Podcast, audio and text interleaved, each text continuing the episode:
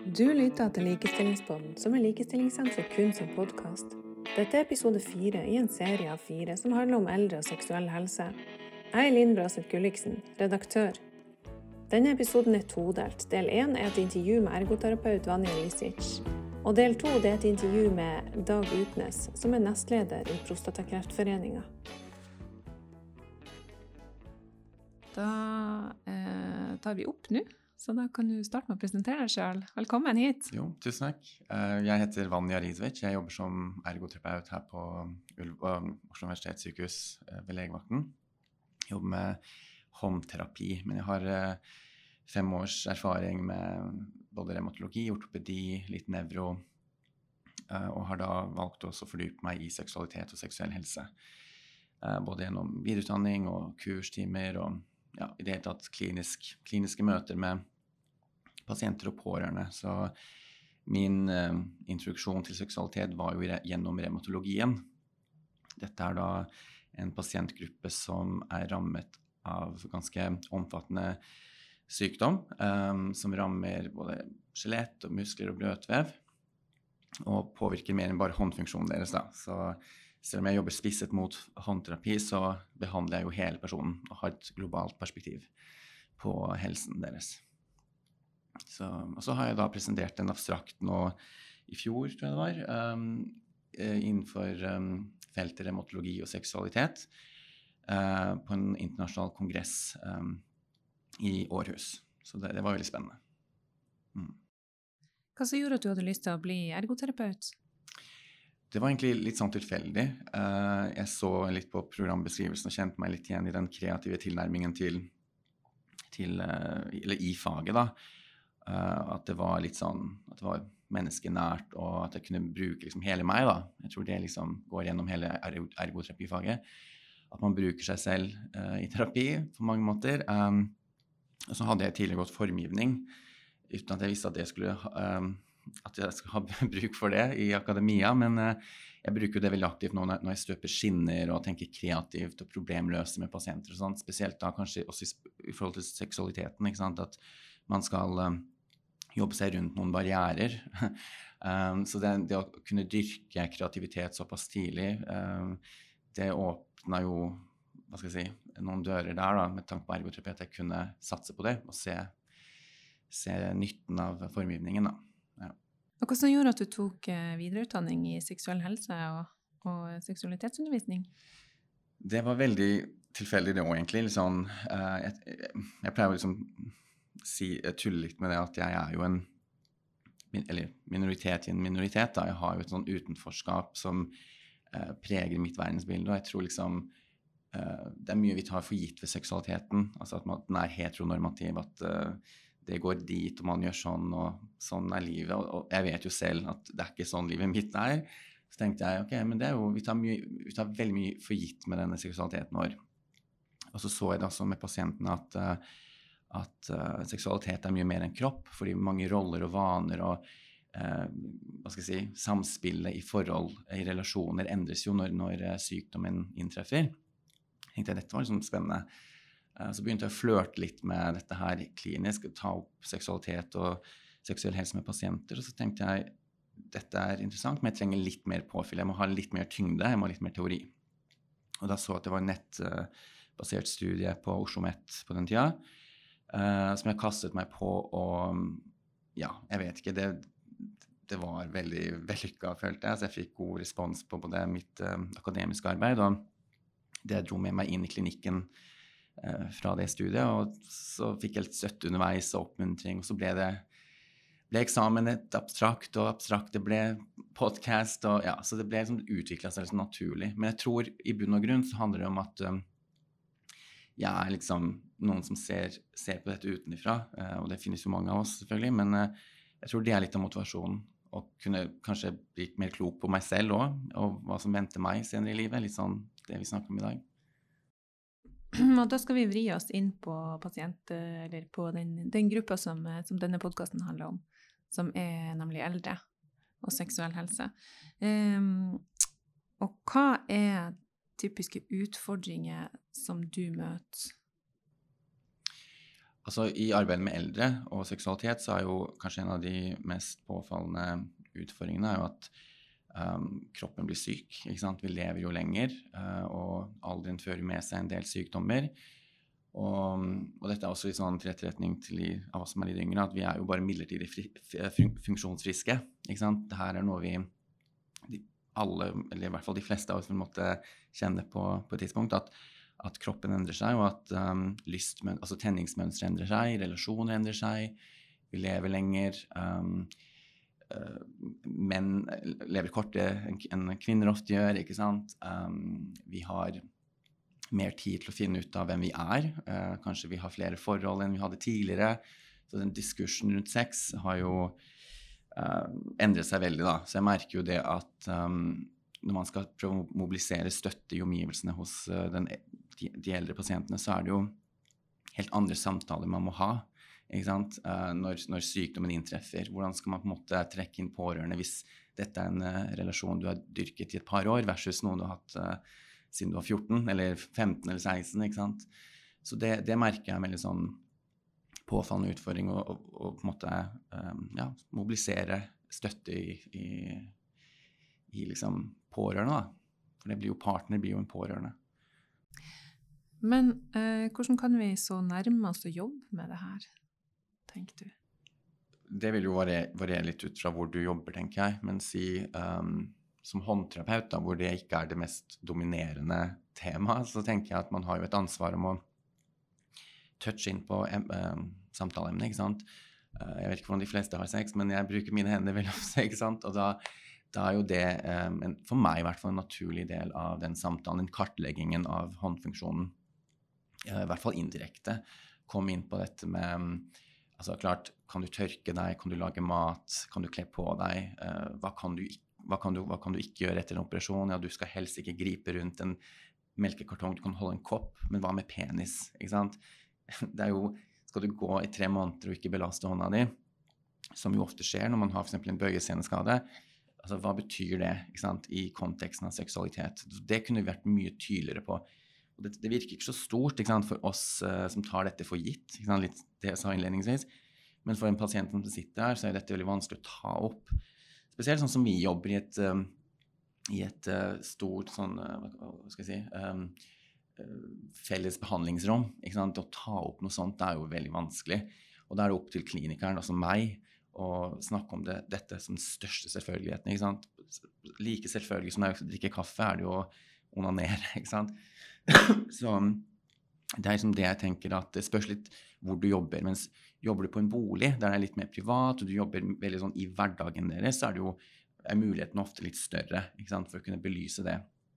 Ikke leide noen inn på rommet hvis de begynner å onanere på kjøkkenet. Altså, og ikke møte det med en sånn um, skam eller noe som er fælt, men noe som er igjen veldig naturlig, bare kanskje konteksten ikke passer. Ikke sant? så da så hvordan du angriper det, er jo liksom avhengig av hvor du er. Uh, og, og, klart jobber du som sexologisk rådgiver eller ja, hva det er for noe, så, så, er det jo litt mer rom for å kunne snakke om de relasjonelle tingene og de kreftene som måtte utvikle seg i et forhold. Ikke sant? Så det, det spørs hvor du er. Ja. Yeah. Du sa et sånt fint uh, utsagn her, da. At alle har et forhold til jula som høytid. Vil du si det? Ja. Ja, det var egentlig altså, inspirert da, av Christian Graugård, som er en dansk sexolog. Han, han bruker denne juletremetaforen da, for å forklare den uh, biopsykososiale tilnærmingen til seksualitet. Altså at seksualiteten har flere dimensjoner enn den kroppslige. At på samme måte som et juletre kan eksistere i en skog, uh, med andre ord altså, ha en biologi uh, Man kan snakke om seksualiteten også som kropp, som C-celler, eggceller så har um, også seksualiteten den, med, den, har noen følelser og tanker, eller vi har noen følelser og tanker rundt seksualiteten, og det er på en måte pynten på juletreet som vi tar inn i stua vår og, og pynter. Vi former den selv. ikke sant? Men så har også jula en, en kontekst, og det er tradisjoner rundt jula. Uh, og jeg drar den litt videre, jeg vet ikke om han har sagt det, men, uh, men jeg, tenker at noen liker uh, ribbe, noen liker pinnekjøtt, noen liker begge deler. ikke sant? Da man plutselig biff Noen liker det, og andre liker lutefisk. Altså, og noen spiser ingen av delene. Da er man kanskje aseksuell, hvis man skal dra den metaforen litt lenger. Men Men det med at alle har et forhold til jula, er jo litt sånn um, noe jeg tenkte på i forbindelse med denne pod podkasten her nå, at, uh, at man, tenker, man, man, blir aldri for gammel til å glede seg til jul. ikke sant? Og det tenker jeg liksom uh, i, i, konteksten av seksualitet, at, at, det er noe som jeg tenker ja, man må ha klart for seg at man, man, man vokser aldri fra seg følelsene sine rundt noe. Uh, at tradisjonene er like sterke, om ikke sterkere faktisk, jo eldre du blir. Uh, og at det er ikke noe som bare som dør ut. Uh, det er noe som også selvfølgelig bør dyrkes og tillates å, å dyrkes i, i, et fellesskap. Ikke sant? Seksualiteten er ikke noe man bare gjør i et soverom med én person eller seg selv. Det er noe man en tilhørighet som kommer med seksualitet. da. Og det er der det der du, du innledet med nå, kommer fra at man aldri får ja, man, man, man, er aldri for gammel til å feire jula. Ja. Nei, det er helt sant. Hvordan kan man skape rom for gode samtaler? Ja, så det er igjen da dette med hvor man er. Altså hvis man er um, inne i den der felles behandlingsrommet, uh, så ville jeg kanskje eh, funnet et privat rom um, hvis jeg vet at det er ting jeg, jeg eller pasienten ønsker å ta opp som er litt sensitivt. Um, og så er det jo Man kan også løfte blikket litt, litt mer og tenke globalt og tenke litt større. At um, hvis du har f.eks. brosjyrer eller plakater eller en pinn eller noe som signaliserer at her er det rom for å snakke om seksualitet, eller her er det LHBT-vennlig eh, kultur, så er jo det altså, en nøkkel til å åpne de gode samtalene rundt seksualitet er du f.eks. homofil eller trans og du blir møtt av et enormt kors, eller noe sånt, så, så sier det jo noe. Ikke sant? Eh, ikke at det er noe i veien med å være religiøs, men, eh, men, jeg tenker at omgivelsene våre gir oss på en måte en sånn, eh, et inntrykk av hva, hvordan vi kan gå frem her. Uh, og, og, jeg tenker at uh, Spesielt fordi min, min, min, erfaring er at folk er veldig tentative. De er avventende med å se hvor jeg uh, står i forhold til ja, kanskje deres seksualitet, uh, uten at det er så veldig eksplisitt. Men, men, jeg tror i kraft av å være en myk, feminin mann, uh, så tror jeg kanskje jeg, bare min, min, min, fremtoning åpner opp for noen samtaler som kanskje ikke ville vært naturlig å snakke med en, en mer hva skal jeg si, maskulin eller en, en, en mann som er litt mer sånn lever opp til den, den der heteronormative bildet av hva en mann er. da? Så jeg tror det er litt miljøet, det er din egen fremtoning, det er ordbruken. Altså hvis du bruker eksplisitte ord som tenningsmønstre, partner, fysisk nærhet, sånne ting, og du bruker dem en, som en største selvfølge, ikke sant? med en, en trygghet, så jo, vil jo det igjen gjøre noe med den personen. Ikke sant? Da vil pasienten ofte føle seg trygg nok til å utdype eller touche inn på ting som ville vært unaturlig ellers. Ja. Så det er greit å anstrenge seg litt for å prøve å bygge opp tillitsforholdet? Ja, jeg tenker det. På, på nøytral grunn. Ja. Yeah. ja. Men igjen, altså Folk merker jo ofte om det, om det er krampaktig. Det er også greit å ha en klar formening om hva du skal si før du velter inn i samtalen. Altså, mm. Det kan også virke mot sin hensikt å være for være en, pådriver, være en sånn kunstig pådriver for seksualitet. Altså, der, der jeg tenker dette med å avklare sin egen seksualitet er kjempeviktig. Og jeg har hatt 33 år på å gjøre det fordi jeg har vært nødt til å gjøre det.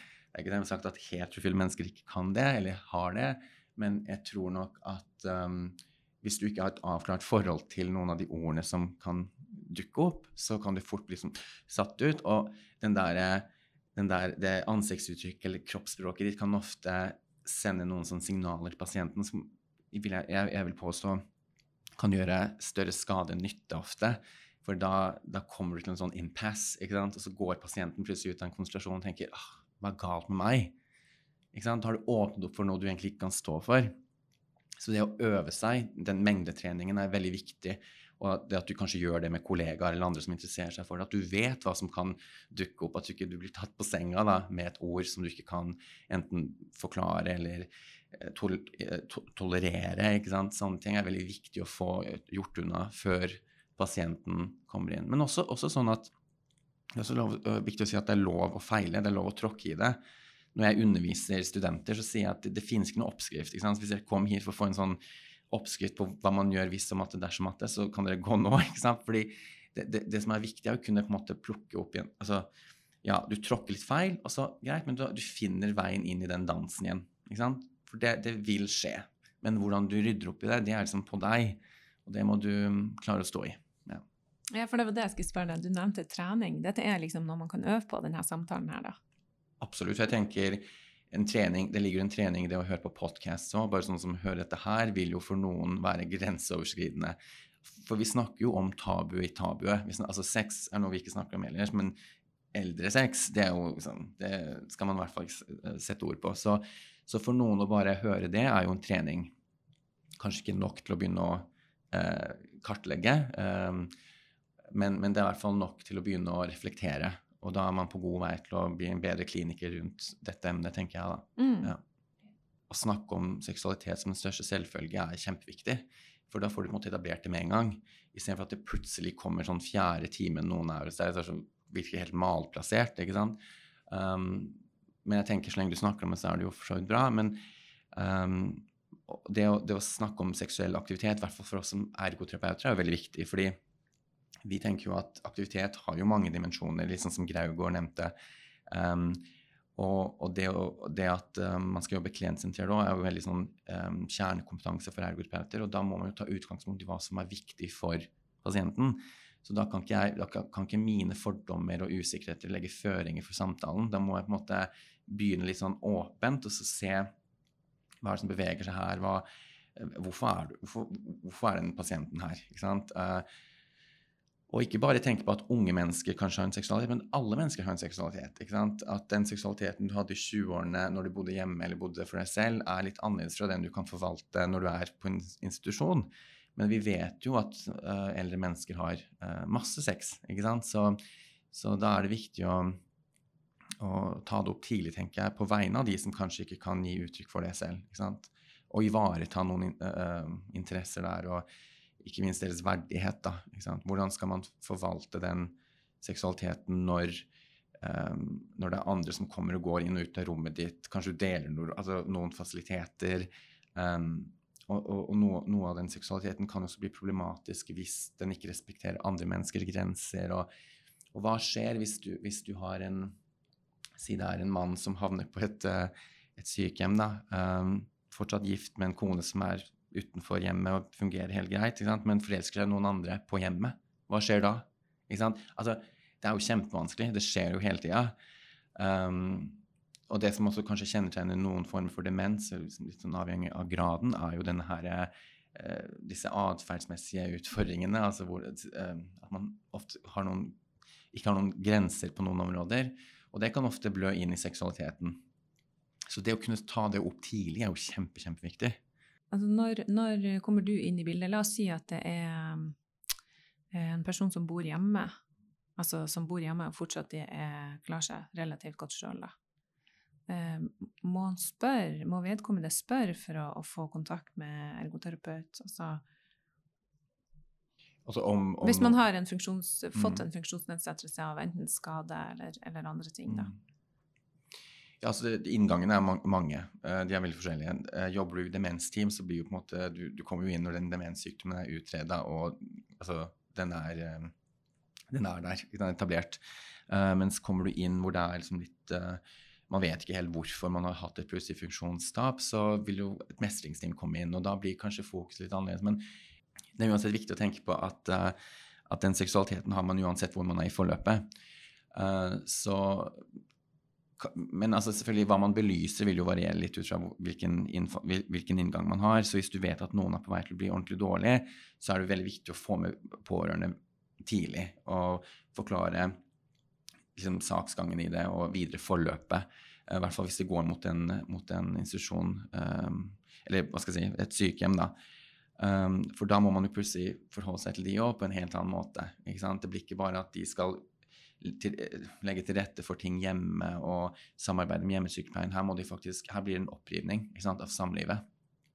Um, men ergoterapeuter har jo mange, mange, ulike innganger. Altså det, inngangen min er jo når de, når de har en, spes, um, en, veldig sånn uttalt utfordring med håndfunksjonen sin.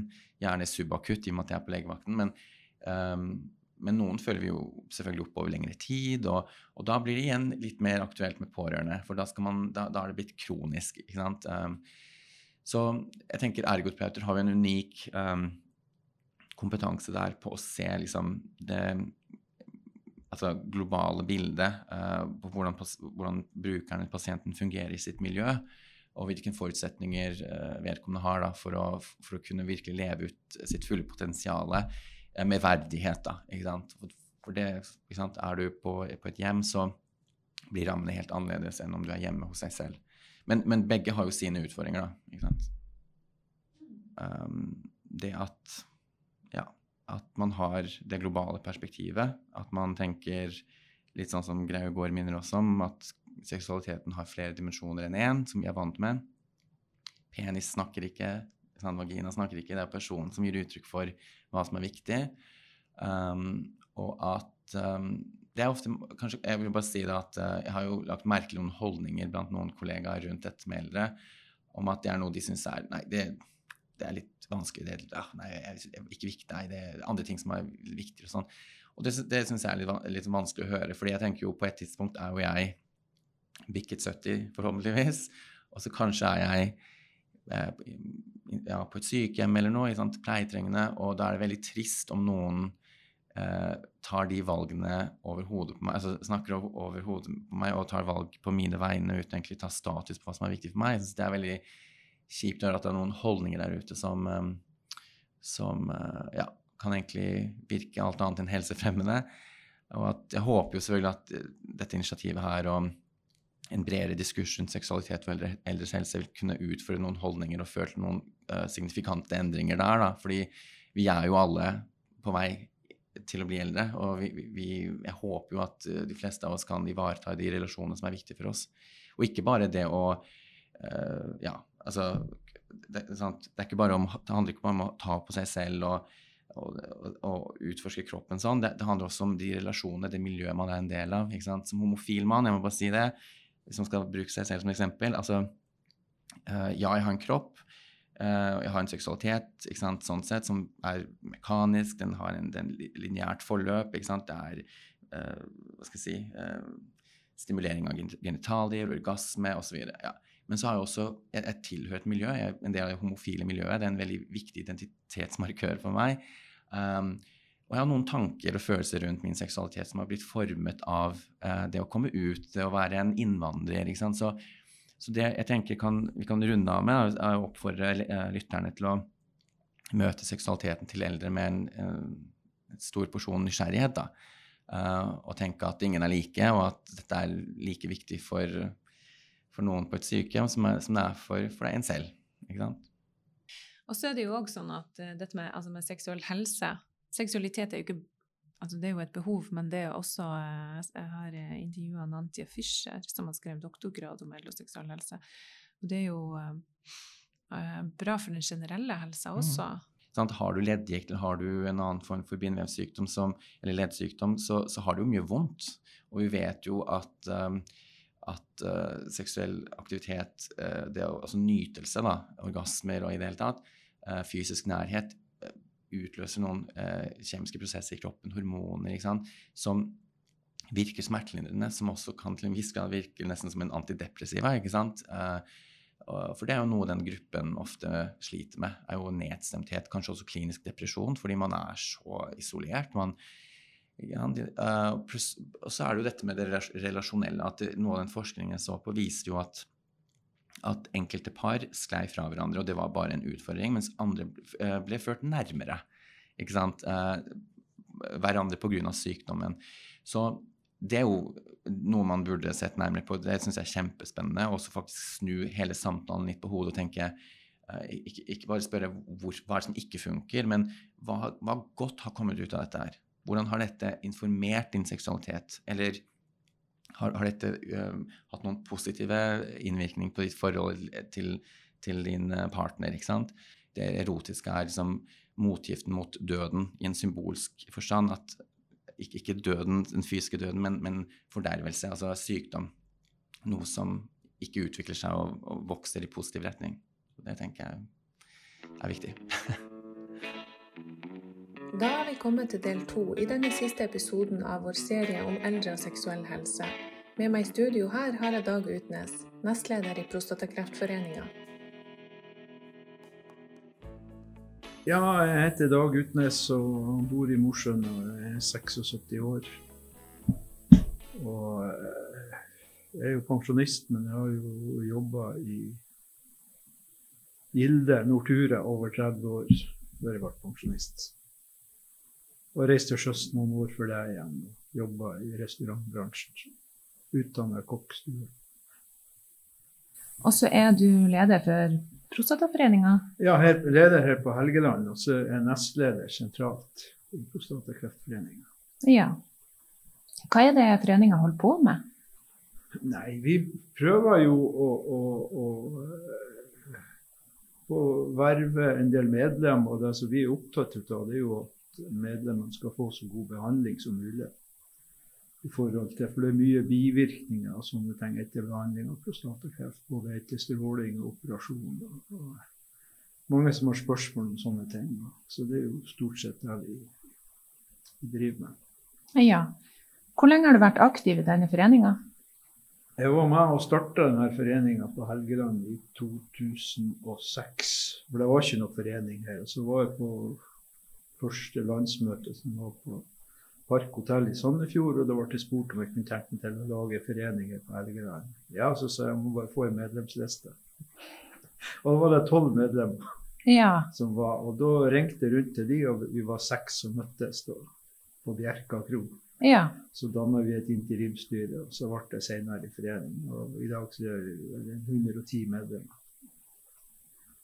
Bare her på, på Helgeland? Ja, ja. Det er jo veldig mye? Ja, det er ikke mye i forhold til folketallet. Det er jo en 75 000 som bor her, så sånn sett så er det ikke så mye. Det er noe, det er noe der det har vokst de her årene. Ja. Eh, hvilke bivirkninger kan man få hvis man har hatt prostatakraft? Det er noe uh, lekkasje for de som er operert.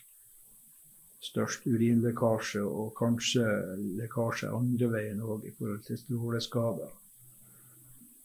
Og, og uh, for de som er operert, så er jo òg det samme. Urinlekkasje og, og ereksjonssvikt. At noen greier å arbeide seg opp igjen og få det tilbake igjen. Men mange får det ikke tilbake igjen, og da må de jo bruke hjelpemidler for å få, få det til. Eh, Hvilke kirurgiske inngrep er det som brukes? Det, det brukes eh, I dag så bruker det stort sett som uh, robot. Som, som uh, ja. ja. En som har sett meg som Jeg har sett dem. Ja. Jeg jobba på sykehuset før. Så. Ja, ja, ja, Det er det som stort sett brukes når det gjelder operasjon. Okay.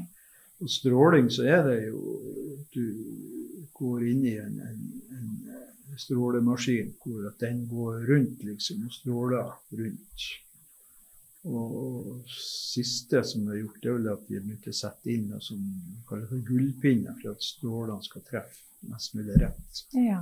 Og denne stråleoperasjonen tar jo bare en dag, og nå er du ikke så lenge inneliggende på sykehus. Men på stråling så er det jo snakk om en seks-syv uker. Ja. På sykehus hvor vi stråler tar kanskje fem-ti minutter hver dag. Så du reiser inn i helgen da. Ja. Så det er mer sånn en langvarig prosess. Ja. Men det spørs akkurat hvordan det her, eh, prostatakreften har utvikla seg. Hvis den er inni prostatakjertelen, så er det godt nok med operasjon. Men hvis den vokser gjennom, eller er på ferd med å vokse gjennom veggen i prostatakjertelen, så er det stråling som er mest aktuelt. Ja.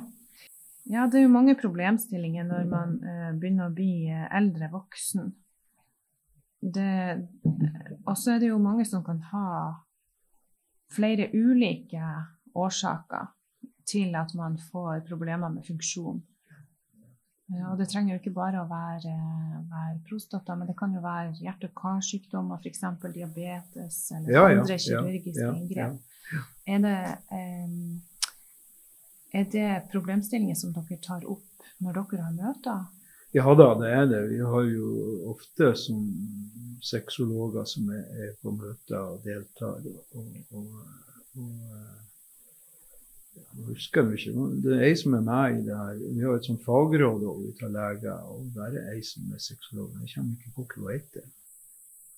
Når det kommer til eh, helsepersonell, eh, opplever du at, eh, at du og, og, og dine medlemmer har fått eller du og deres medlemmer, at dere har fått uh, tilstrekkelig med hjelp fra helsevesenet? Er de på tilbudssida? Ja, det er vel både og. Begge deler. Noen er vel veldig bra, og noen får, får ikke noe hjelp. Og så liksom kommer de ut, og så er det ereksjon og alt borte, og så vet man liksom ikke hvordan, hva skal man gjøre for å, å få det tilbake igjen. For det er fortsatt ganske tabubelagt, dette med eldre og sex? Ja, det tror jeg. Det, tror jeg. Det, her, det her med prostatakreft er òg ganske tabubelagt. Det er mange som ikke vil snakke om det. De fleste som blir behandla, mange i hvert fall, de anser dem blir behandla, så er de ferdig med det. Så vil de liksom ikke ha noe mer prat om det. Og spesielt det her med, med seksuell helse. Det er et veldig tabu. Ja. Hva tror du er årsaken til det? Det har vel kanskje med at det er noe man liksom føler at det er veldig privat. At det er noe som man ikke ønsker å, å utlevere til andre.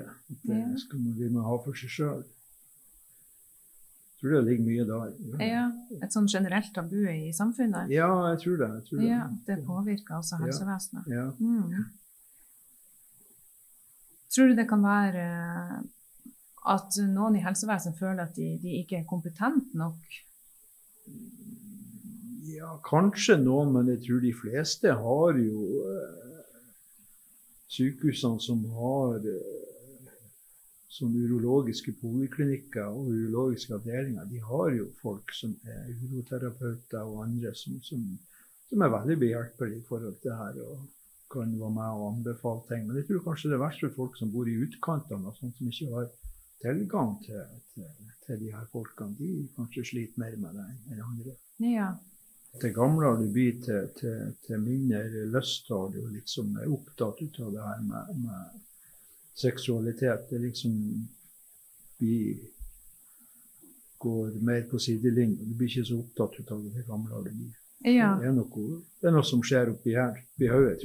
At man, man, har rett og slett andre forventninger jo ja?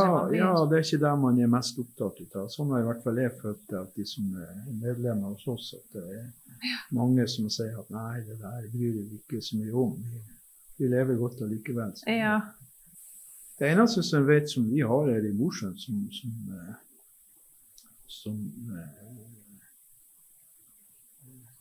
ikke om det er så mange andre plasser, men de har jo en helsestasjon for eldre. De har et sånt uh, seniorsenter. Oh, ja. Og der er det ei som er sykepleier, som, som har helsestasjon for eldre, som er åpen hver onsdag.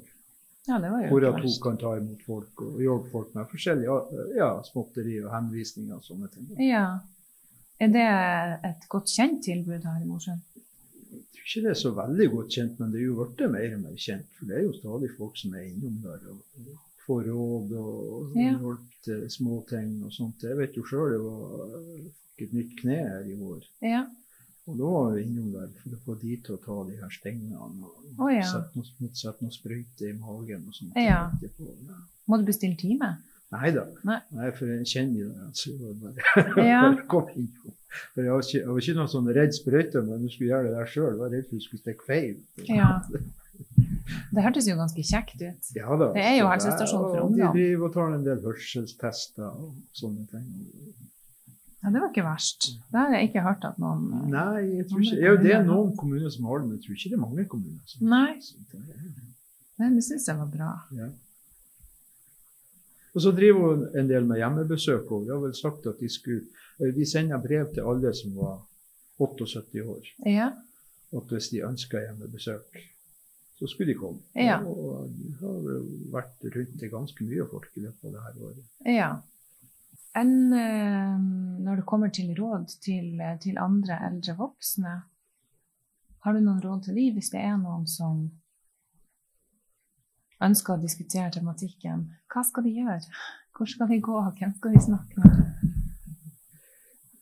De bør jo gå til helsepersonell og, og, og, kanskje en del kreftkoordinatorer rundt omkring kan være aktuelt å gå til. og Lignende der det er sykehus og urologisk avdeling eller poliklinikker, så er jo de her uroterapeutene de er jo veldig gode på sånne ting, opplært i det her.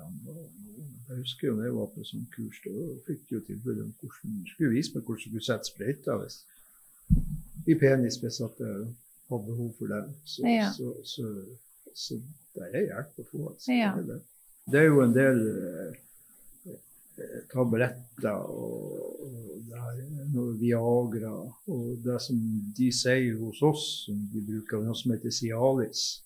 Det er noe som de egentlig etter at de, de burde egentlig begynne å spise det kanskje før de blir operert. Og etterpå for å opprettholde reisninga. Ja. Og likedan det her, det hørte jo nettopp nå i helga å snakke om det her med sånn penispumpe, at jeg bør ikke gå på noen sånn sexlekebutikk og kjøpe de, du får få det fra Nav, for det er gratis, og de er mye bedre enn, Ja. en, en de du kjøper på butikken. ja. At de er tilpassa. Ja, mer tilpassa og, og, og, og fungerer mye bedre. Ja. Å ja, så Nav har sånt? Ja. Nav har det gratis, får du gratis på. Nav. Ja. Ja. Det er Og det er veldig mange som bruker det, som Ja. syns at det er veldig brukbart. Og det Mm. koster ingenting, du får det gratis hos Nav. Og butikken så må du betale for det. Ja. Og tabletter og sånn Ja, de Medisin, er, jo, de er jo ganske dyre. Ja. Det er de jo. Det har jo prøvd et arbeid for å skulle prøve å få det her på blå resept, men eh, det gikk ikke. Å ja. Så det må man betale for Det må man betale sjøl, ja. Ja. Men eh, mange som bruker det, Cialis sier jo det at de bruker det en halv taburett hver dag nesten for å opprettholde Ja. ereksjonen. Ja. og Så, så det er mange måter å bruke det på. Ja. Mm. Mange bruker sprøyter, òg, men det er klart det, det er ikke så lett for alle å kanskje bare sette i sprøyter. Nei. Man skal i hvert fall vite hva man holder på med. Ja, det det. Jeg det. syns det hørtes skummelt ut. ja, det høres litt som skummelt ut, men det er mange som, som liksom har vent seg til det. Og, og noen kjenner jo en som har Kjerringa hans er tannlege, hun er vant til å sette sprøyte, så det er jo ikke noe problem. Ja, for det er jo viktig å, hvis man er i en relasjon, at man er trygg på partneren sin Ja, det er klart. Det er klart. når man eh, når man skal over på sprøytesetting. Ja, ja, ja, ja, det er klart. Det. Ja. Men hvordan er det? Er det, er det mulig å være på, på sjekkeren når man er eldre voksen og Ja, det er det nok sikkert, men jeg tror for mange så er det kanskje vanskelig. Ja. Man er jo, hva har hørt på radioen det var 1,4 millioner enslige i Norge. Det er mange. Ja, det er mange. Så Ja. jeg tenker på det at det er ikke sikkert det er like lett for alle de å være på sjekkeren. der. Nei. Det tror jeg nok ikke. Nei. Så, så, og det er klart, det eldre du blir til, mer avtar ved lysten, og du orker ikke det et styret der og og ut på byen og skal finne han Nei, det er jo litt styr. ja, Jeg syns det er styrete når man er yngre òg. ja, ja, egentlig så er det jo det, men da er det liksom mer normalt. Det. Ja. Hva skjer med, hva skjer med psyken når man blir eh, Når man får problemer med, med f.eks. seksuell funksjon? Det tror jeg kan slå begge veier. Vi vet jo det at det er mange som har som får sånne eh, bivirkninger etter en behandling av prostatakreft, at ektefellene går ifra dem. Det har jo mange til eksempler på. At, de blir deprimert? ja, deprimert, og, og, og, og at kvinnfolkene vil ikke ha noe med mann mer å gjøre. De drar sin vei. Ja. Og det er klart at det er jo ikke så enkelt for alle å takle. Nei. Så, så, så, så, så det, det er mange eksempler på at det skjer. De blir ikke tilfredsstilt når de går de andre veier. Ja. Så, og så tror jeg kanskje at for mange mannfolk så er det der om du mister ereksjon, så er det et nederlag. ja. Du er liksom, da er du ute, du er ikke, du er ikke med i gjengen lenger. Nei. Så, så jeg tror nok mange kan føle å bli deprimert pga. det. Så. Tror du det har med den tradisjonelle mannsrollen å gjøre? Ja, det tror jeg nok. at Da er du ikke noe, du er ikke noe til kvar. Nå klarer du ikke mer. Da er du da er du, er du ikke noe kar. Du er ikke noe særlig. og Da, det, for mange som tror jeg det vil være et nederlag. Ja. Er det sånn at, eh, At dere kan snakke om dette til hverandre når dere samles i foreninger? Ja, det er, det er det jo. Det er det jo. Det er det jo delvis. Spesielt hvis man har noen forelesere som snakker om sånne ting, så, så er det jo ganske stor åpenhet. Ja. Men ellers så tror jeg ikke det er så stor åpenhet rundt om i samfunnet akkurat der. Det er Nei. noe som man holder for seg sjøl, som er tabubelagt. og- ja. Det er lettere når man har et nettverk. Ja, det er det. Ja, det er det. Og især hvis du er på et møte hvor det kommer noen og foreleser om det her med, med, med seksualitet og hjelpemidler og alt det der, så kan man godt diskutere sånne ting. Men Ja. Med de som sitter i nærheten. Da. ja, man spør hva du bruker du, og hvordan fungerer det for deg, og liksom sånne ting. Men Mhm. ellers så tror jeg det er vanskelig ja. Ikke så enkelt. Og så er man jo forskjellig. Ja. Jeg så en, en film eh, for en stund siden eh, om eh, eldre skeive. Og da, Ja. da snakka de om eh, nærhet. Ja, ja. Altså for noen så var det nærheten. Ja, nærhet var vel så viktig som, som samleie, da, f.eks. Nei, det er klart at nærhet er jo også viktig hvis man vet å ta vare på nærheten og, får den fram. Men jeg tror kanskje for mange mannfolk så, så er det her med maskulinitet den biten som, som betyr mest. der. Men nærhet det liksom blir litt sånn ja, ikke så mye som man eh, kanskje bryr seg om, som man burde gjøre. egentlig. Nei, det er litt eh, en mykere verdi. Ja, det er det. Er mykere verdi. Det er det, det er sant, det. Hudkontakt og, hudkontakt og nærhet. Og Ja, in intimitet. Ja, ja, det er klart at det kan bety mye for mange. Det tror jeg helt sikkert. Ja. Og spesielt kanskje for mange eldre Ja. som ikke eh, klarer å få til samleie og sånne ting. Så kan jo det være med på og ja, man kan få gode dager likevel. ja. Du lytter til Likestillingspodden, som er Likestillingssenteret kun sin podkast. Jeg er Linn Braseth Gulliksen, redaktør.